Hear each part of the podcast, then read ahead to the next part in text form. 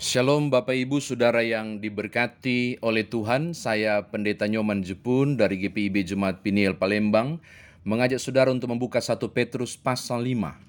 Kita akan membaca ayat 1 hingga ayatnya yang ke-11, ini panjang nih.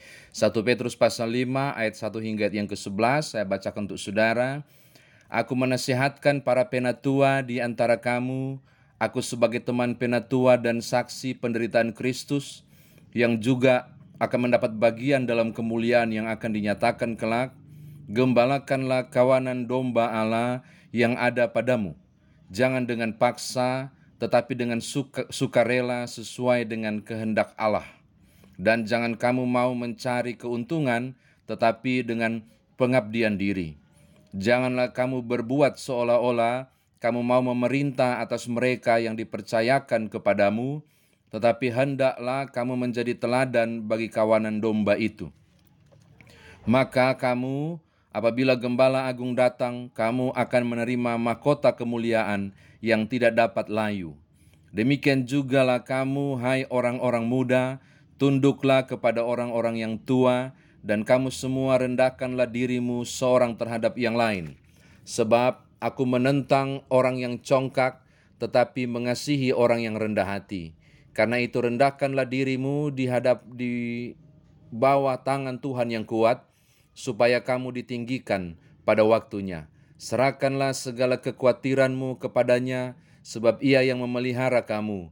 Sadarlah dan berjaga-jagalah, lawanmu si iblis berjalan ke keliling, berjalan keliling sama seperti singa yang mengaum-ngaum dan mencari orang yang dapat ditelannya. Lawanlah dia dengan iman yang teguh, sebab kamu tahu bahwa kamu semua saudaramu di seluruh dunia menanggung penderitaan yang sama. Dan Allah sumber segala kasih karunia yang telah memanggil kamu dalam Kristus kepada kemuliaannya yang kekal akan melengkapi, meneguhkan, menguatkan, dan mengokohkan kamu sesudah kamu menderita seketika lamanya. Ialah yang empunya kuasa sampai selama-lamanya. Amin.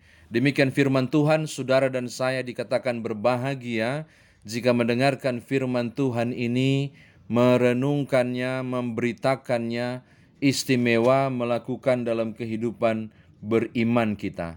Shalom Bapak Ibu Saudara. Saya percaya kehidupan saudara-saudara dalam kondisi akhir-akhir ini pun kalau kita hubungkan dengan uh, surat satu Petrus rasa-rasanya kita sedang mengalami suatu penderitaan juga. Tapi saya mau ajak Bapak Ibu untuk paling tidak saudara yang pernah mendengar firman Tuhan yang pernah saya gali dari satu Petrus mengetahui kondisi jemaat penerima ini dengan bagaimana penganiayaan dan penderitaan dari Kaisar Nero mereka alami sebagai orang Kristen.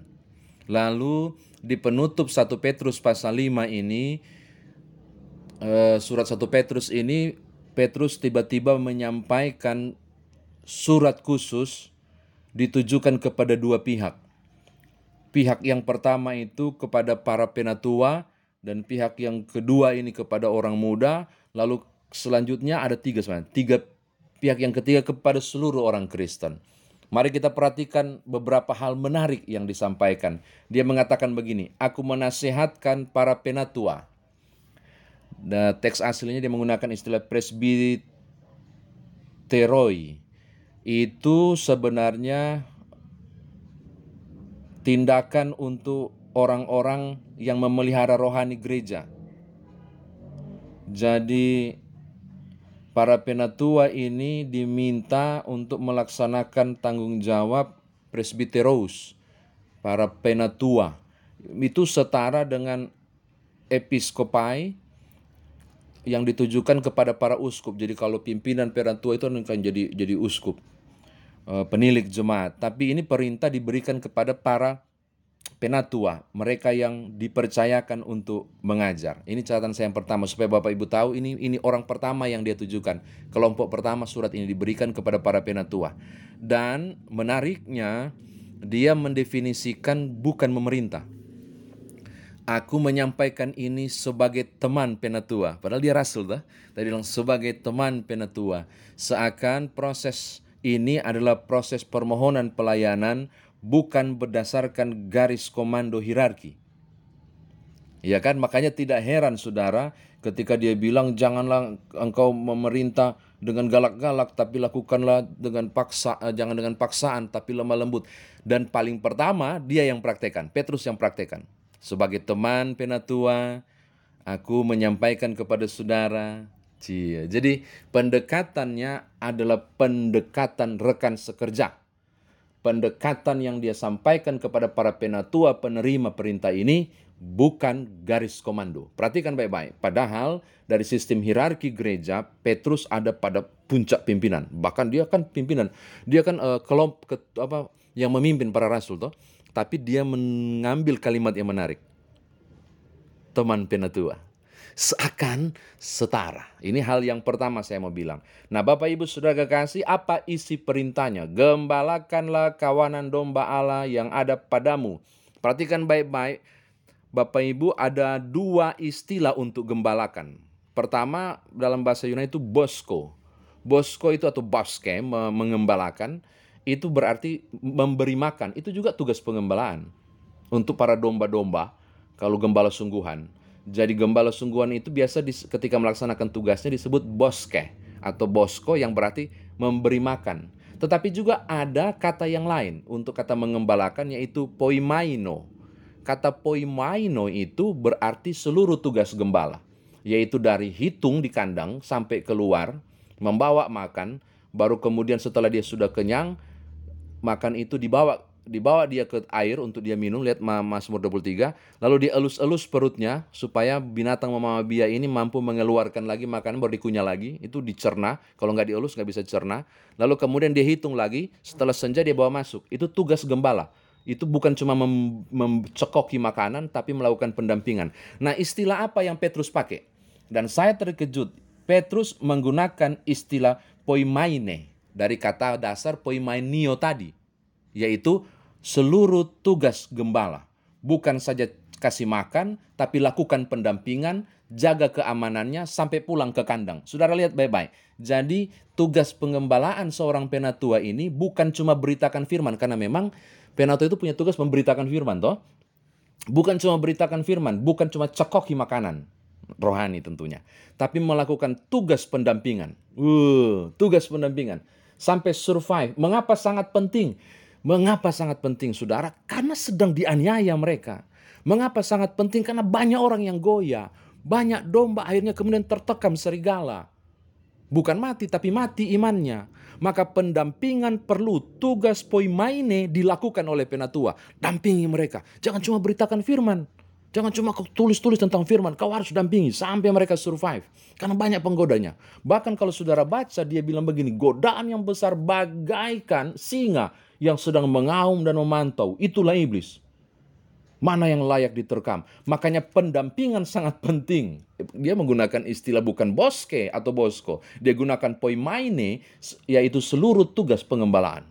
Bapak Ibu perhatikan, ini sangat penting. Seorang rekan penatua yang sebenarnya rasul meminta, ayolah lakukan pendampingan Jangan sampai iblis menerkam dan ambil jiwa mereka. Dan ini tidak mudah. Derita fisik dalam penganiayaan kan sudah jelas dialami. Oke? Okay? Nah, dalam rangka melaksanakan perintah itu, saudara, si penatua ini dinasihati supaya lakukanlah jangan dengan paksa itu hati. Ay, malasku deh. Mau mengerjakannya, orang Makassar bilang, nantilah dulu, saya lagi sibuk. Enggak, lakukanlah dengan penuh sukarela seakan melaksanakan kehendak Allah. Saudara lihat? Jadi tugas pengembalaan itu dilakukan dengan ketulusan. Bahkan dia bilang penuh pengabdian bukan untuk cari keuntungan. Lihat ayat yang kedua. Jangan bergerak nanti ada kepeng atau duit. Itu Petrus mau bilang, lakukanlah dengan penuh pengabdian, dengan penuh ketulusan, tanpa pamrih.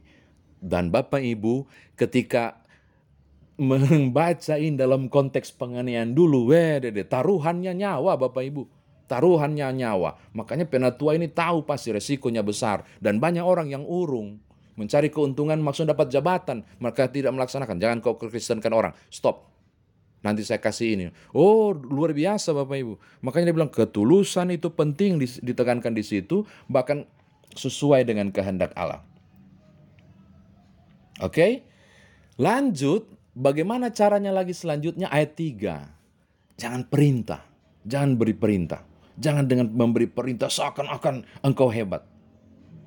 Tapi lakukanlah dengan menjadi teladan. Saudara tahu, kata menjadi teladan ini teks aslinya itu sebenarnya berarti bercermin, cermin. Iya. Jadi ketika saudara bercermin pantulannya itu, penato diperintahkan. Maka ketika kau mengajar bukan memerintah, tapi engkau jadi teladan dan orang lihat, maka proses pengembalaan terjadi. Perhatikan baik-baik. Saya tertarik loh bagian ini karena ternyata tugas pengembalaan bukan cuma ayo ayo kita pergi ke sorga sorga sorga. Tapi dia sendiri nggak ke sorga karena perbuatannya jahat. Yang paling penting dari tugas pengembalaan adalah menjadi cermin, menjadi teladan. Tutur kata dan perbuatan menjadi teladan. Itu rupanya yang dimaksud oleh Petrus. Jadi tidak dengan paksa. Orang akan menurut, wow relanya ya si penatua itu di tengah aniaya si Nero, dia tetap teguh imannya. Aw, aku tertarik untuk itu. Jadi ini ini maksudnya dalam proses yang sungguh luar biasa itu diajak untuk tidak dengan paksaan, tapi dengan teladan. Bapak Ibu Saudara catatan kedua. Tidak mudah loh untuk mengerjakan itu, tidak mudah. Karena goncangan begitu hebat. Makanya ayat 7 sangat jelas dikatakan. Kuatir, para pengajar itu kuatir. Para penatua dan penilik jemaat itu sangat kuatir. Oh nggak mudah loh. Dan barangkali ada yang bersungut, bagaimana mungkin kami pertaruhkan nyawa loh ini untuk tugas pengembalaan ini. Wow, Petrus bilang di ayat ketujuh, jangan khawatir, serahkanlah kekhawatiranmu kepada Allah. Bahkan ketika ketika kemudian kenapa penderitaan harus dialami untuk melakukan pendampingan ini, untuk menghadapi segala sesuatu ini? Ayat 9 jawabannya. Bukan cuma kau yang alami. Seluruh dunia juga alami. Karena kekristenan identik dengan penderitaan. Ayat 9 bilang, semua saudara-saudaramu di dunia juga alami. Jadi, ndak usah khawatir, ndak usah bersungut, serahkan kekuatan pada Tuhan, kerjakan panggilanmu. Wow. Ini kan, wah, saya mau bayangkan bahwa ini terjadi di Samanero, Bapak Ibu. Jadi makanya saya penuh dengan wow-wow dari tadi karena mengagumi luar biasa loh ini. Nggak mudah loh ini. Wah, enak banget para pendeta penatua diaken di zaman sekarang. Gampang banget, aman. Tapi wah ini luar biasa. Terakhir catatan ketiga. Tapi berangkat tidak sendiri. Berangkat bukan tanpa modal. Petrus mengulang kembali suatu janji peneguhan. Dia mengatakan sesuatu yang sangat luar biasa, yaitu soal iman. Itu ayat berapa ya? Dengan pemeliharaan Tuhan. Lihat ayat yang ke-10. Dan Allah sumber segala kasih karunia yang telah memanggil kamu dalam Kristus kemuliaannya akan melengkapi, meneguhkan, menguatkan, mengokohkan iman. Saudara lihat, jadi ketika melaksanakan panggilan ini bukan tidak ada modal. Ketika Tuhan memerintahkan panggilan pengembalaan ini, mereka akan dikuatkan, mereka akan dimampukan, mereka akan diteguhkan. Saya kira demikian firman Tuhan ditafsirkan. Nah sekarang bagaimana saudara dan saya bawa firman Tuhan ini dalam kehidupan beriman kita. Bapak Ibu, saya mau bicara menunjukkan ini kepada saudara orang percaya termasuk saya. Firman ini menegur banyak juga terutama kepada saya sebagai pendeta. Dengan ukuran apakah engkau mengerjakan panggilan itu? Eh, ini sangat penting. Waduh, ini ini firman ini mengobok-ngobok saya juga dan kiranya juga mengobok-ngobok saudara. Benarkah engkau tulus mengerjakan panggilan saudara? Benarkah bukan demi keuntungan, bukan demi duit, bukan demi harta, bukan demi nama. Banyak orang yang kemudian kesulitan untuk menempatkan diri di posisi sebagai pelayan, direndah posisinya, tapi justru di takhta yang dia cari. Nama, wow saya pendeta, wow saya penatua, wow saya diaken. Banyak mengalami kondisi ini dan itu tidak mudah. Nah saya mau katakan kepada saudara, dengan motivasi apa engkau melayani Allah? Saya dan Bapak Ibu ditantang di pertanyaan ini pada surat gembala yang dilakukan oleh Petrus. Ternyata ukurannya murni untuk melaksanakan kehendak Allah. Ih Bapak Ibu nggak mudah ketika saudara dipanggil mengerjakan panggilan saudara dalam bentuk apa pun. lakukanlah seakan-akan saudara melakukannya untuk Tuhan. Oh. Karena saudara dipercayakan pada pekerjaan Tuhan ini. Apa motivasinya? Ternyata kerelaan, kata Petrus. Apa motivasinya? Karena ketulusan, kata Petrus. Apa motivasinya untuk menyenangkan Tuhan ketika mengerjakan kehendak Allah itu? Ini hal yang pertama. Hal yang kedua, Bapak Ibu, ternyata menjadi seorang pelayan Tuhan pun saya dan saudara dituntut untuk punya kerendahan hati. Seperti Petrus yang menyapa para penatua di level bawah toh dibandingkan rasul kan. Dia bilang rekan penatua. Uh, saya mau katakan juga hal yang kedua yang sangat yang tidak kalah penting kepada saudara. Jabatan apa pun yang saudara dapat di dunia, termasuk di gereja, kiranya itu tidak membuat engkau dan aku mengalami keangkuhan. Sebaliknya, saudara dan saya penuh dengan kerendahan. Ini yang kedua. Yang ketiga, yang terakhir. Tidak mudah ya Bapak Ibu mengerjakan tanggung jawab kehidupan sebagai orang percaya. Bapak Ibu dimintakan untuk melakukan pengembalaan loh. Pengembalaan itu bukan cuma cekoki firman, tapi lakukan pendampingan. Tapi kalau saudara tidak bisa melaksanakan tanggung jawab pengembalaan karena ternyata tidak mampu mengerjakannya, Petrus bilang begini, jadilah cermin, jadilah teladan. Maka saya mau berseru firman Tuhan ini kepada suami, jadilah teladan untuk istrimu. Kepada seorang istri, jadilah teladan untuk suamimu. Kepada orang tua, lakukan tugas pengembalaan dengan cara jadilah teladan. Tutur kata, tingkah laku saudara, kiranya menjadi cermin buat anak-anakmu untuk takut Tuhan. Oh ini penting. Oh saya tidak bisa beritakan firman, saya bukan seorang sarjana teologi, saya sulit untuk mendampingi, saya terlalu sibuk di segala pekerjaan. Oh, it's jangan excuse, no excuse. Teladan saudara yang ditentukan ternyata. Teladan juga bisa jadi cara saudara untuk mengembalakan. Para pelayan Tuhan, jadilah teladan. Jadi cermin bagi umat, tutur kata pola tingkah laku saudara. Karena ternyata dengan itu, dengan itu, kita kemudian disebut sebagai para gembala yang mengembalakan. Kiranya Tuhan menggenapi janji ini untuk saudara, yaitu di saat engkau takut dan gentar di tengah tekanan yang luar biasa melaksanakan panggilan, saudara dikuatkan, saudara diteguhkan, saudara dilengkapi. Tuhan memberkati Bapak Ibu Saudara. Amin. Mari berdoa, Bapak syukur untuk firman Tuhan ini. Kiranya kami semakin kuat, bukan saya sebagai pelayan, tapi juga sebagai orang percaya untuk terus maju mengerjakan panggilan Tuhan di situasi yang tidak mudah ini. Demi Tuhan Yesus Juru Selamat, kami berdoa. Amin.